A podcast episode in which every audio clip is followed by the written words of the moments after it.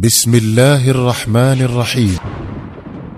نعيم بن مسعود رضي الله عنه. نعيم بن مسعود فتى يقظ الفؤاد المعي الذكاء خراج ولاج. لا تعوقه معضلة ولا تعجزه مشكلة. يمثل ابن الصحراء بكل ما حباه الله من صحة الحدس وسرعة البديهة وشدة الدهاء. ولكنه كان صاحب صبوة وخدين متعة. كان ينشدهما أكثر ما ينشدهما عند يهود يثرب. فكان كلما تاقت نفسه لقينة أو هفى سمعه لوتر شد رحاله من منازل قومه في نجد ويمم وجهه شطر المدينة حيث يبذل المال ليهودها بسخاء ليبذلوا له المتعة بسخاء أكثر. ومن هنا فقد كان نعيم كثير التردد على يثرب وثيق الصلة بمن فيها من اليهود وخاصة بني قريظة. ولما أكرم الله الإنسانية بإرسال رسوله بدين الهدى والحق وسطعت شعاب مكة بنور الإسلام كان نعيم بن مسعود ما يزال مرخيا للنفس عنانها. فأعرض عن الدين الجديد أشد الإعراض خوفا من أن يحول دونه ودون متعه ولذاته. ثم ما لبث أن وجد نفسه مسوقا إلى الانضمام إلى خصوم الإسلام الألداء مدفوعا دفعا إلى إشهار السيف في وجهه. لكن نعيم بن مسعود فتح لنفسه يوم غزوة الأحزاب صفحة جديدة في تاريخ الدعوة الإسلامية وخط في هذه الصفحة قصة من روائع قصص مكايد الحروب قصة ما يزال يرويها التاريخ بكثير من الانبهار بفصولها المحكمة. والإعجاب ببطلها الأريب اللبيب. ولتقف على قصة نعيم بن مسعود لا بد لك من الرجوع إلى الوراء قليلا. فقبيل غزوة الأحزاب بقليل هبت طائفة من يهود بني النضير في يثرب وطفق زعماؤهم يحزبون الأحزاب لحرب الرسول عليه الصلاة والسلام والقضاء على دينه. فقدموا على قريش في مكة وحرضوا على قتال المسلمين. وعاهدوهم على الانضمام إليهم عند وصولهم إلى المدينة وضربوا لذلك موعدا لا يخلفونه. ثم تركوهم وانطلقوا إلى غطفان في نجد فأثاروهم ضد الإسلام ونبيه ودعوهم إلى استئصال الدين الجديد من جذوره وأسروا إليهم بما تم بينهم وبين قريش وعاهدوهم على ما عاهدوها عليه وآذنوهم بالموعد المتفق عليه. خرجت قريش من مكة بقضها وقضيضها وخيلها ورجلها بقيادة زعيمها أبي سفيان بن حرب متجهة شطر المدينة. كما خرجت غطفان من نجد بعدتها وعديدها بقيادة عيينة بن حصن الغطفاني. وكان في طليعة رجال غطفان بطل قصتنا نعيم بن مسعود. فلما بلغ الرسول صلوات الله وسلامه عليه نبأ خروجهم جمع أصحابه وشاورهم في الأمر فقر قرارهم على أن يحفروا خندقا حول المدينة ليصدوا عنها هذا الزحف الكبير الذي لا طاقة لها به وليقف الخندق في وجه الجيش الكثيف الغازي. ما كاد الجيشان الزاحفان من مكة ونجد يقتربان من مشارف المدينة حتى مضى زعماء يهود بني النضير إلى زعماء يهود بني قريظة القاطنين في المدينة. وجعلوا يحرضونهم على الدخول في حرب النبي ويحضونهم على مؤازرة الجيشين القادمين من مكة ونجد. فقال لهم زعماء بني قريظة لقد دعوتمونا إلى ما نحب ونبغي ولكنكم تعلمون أن بيننا وبين محمد ميثاقا على أن نسالمه ونوادعه لقاء أن نعيش في المدينة آمنين مطمئنين. وأنتم تدرون أن مداد ميثاقنا معه لم يجف بعد. ونحن نخشى إذا انتصر محمد في هذه الحرب أن يبطش بنا بطشة جبارة وأن يستأصلنا من المدينة استئصالا جزاء غدرنا به. لكن زعماء بني النضير ما زالوا يغرونهم بنقض العهد ويزينون لهم الغدر بمحمد ويؤكدون لهم بأن الدائرة ستدور عليه في هذه المرة لا محالة. ويشدون عزمهم بقدوم الجيشين الكبيرين. فما لبث يهود بني قريظه ان لانوا لهم ونقضوا عهدهم مع الرسول صلوات الله وسلامه عليه ومزقوا الصحيفة التي بينهم وبينه وأعلنوا انضمامهم إلى الأحزاب في حربه. فوقع الخبر على المسلمين وقوع الصاعقة.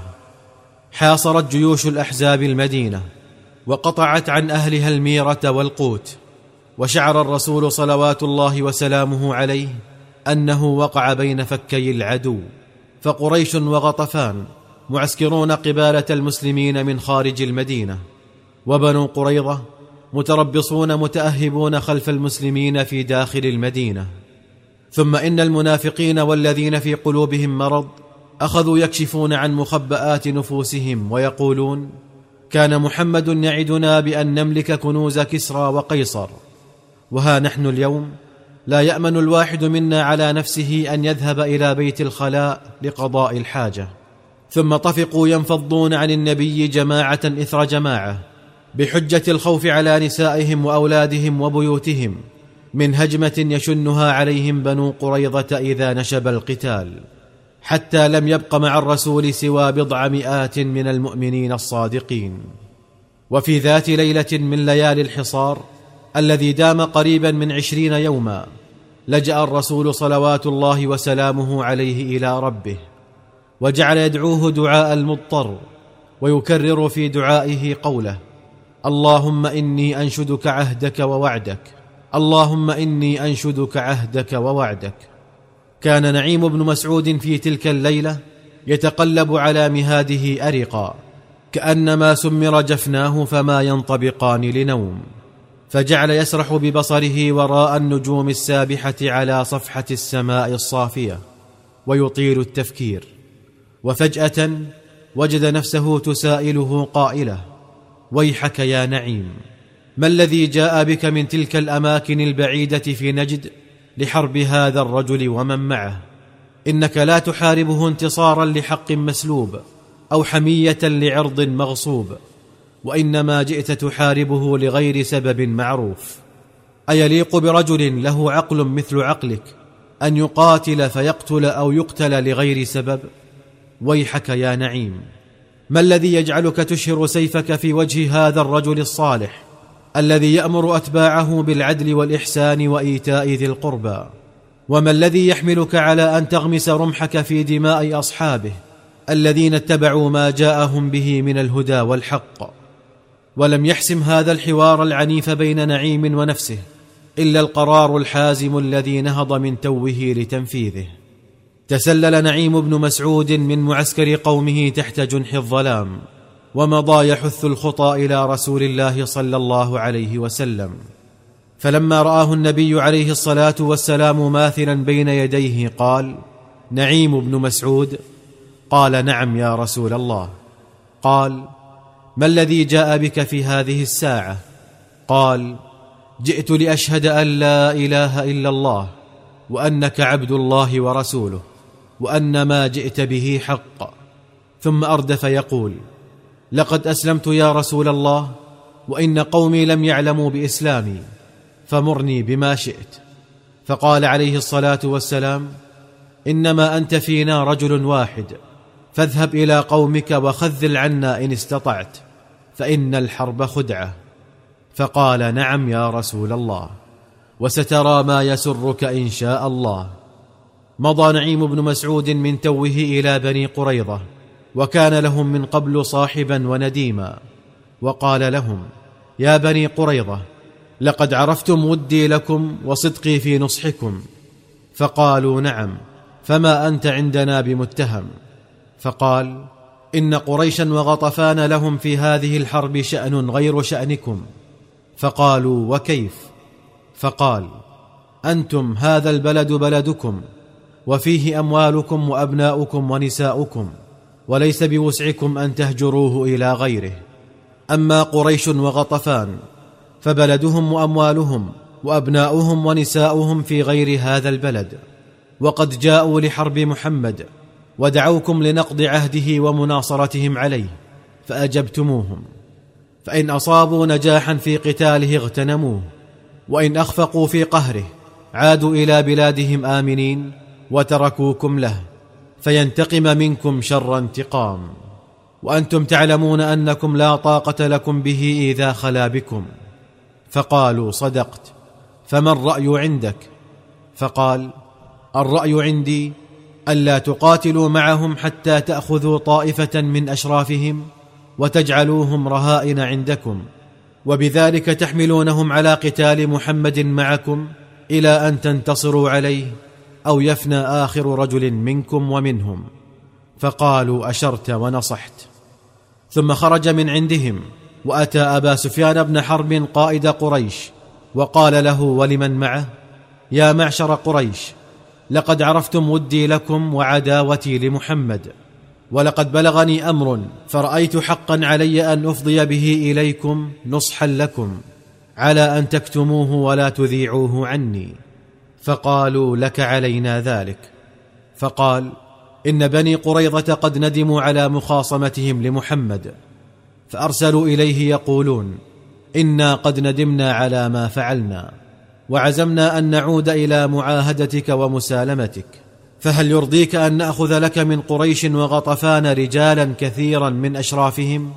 ونسلمهم إليك لتضرب أعناقهم ثم ننضم إليك في محاربتهم حتى تقضي عليهم.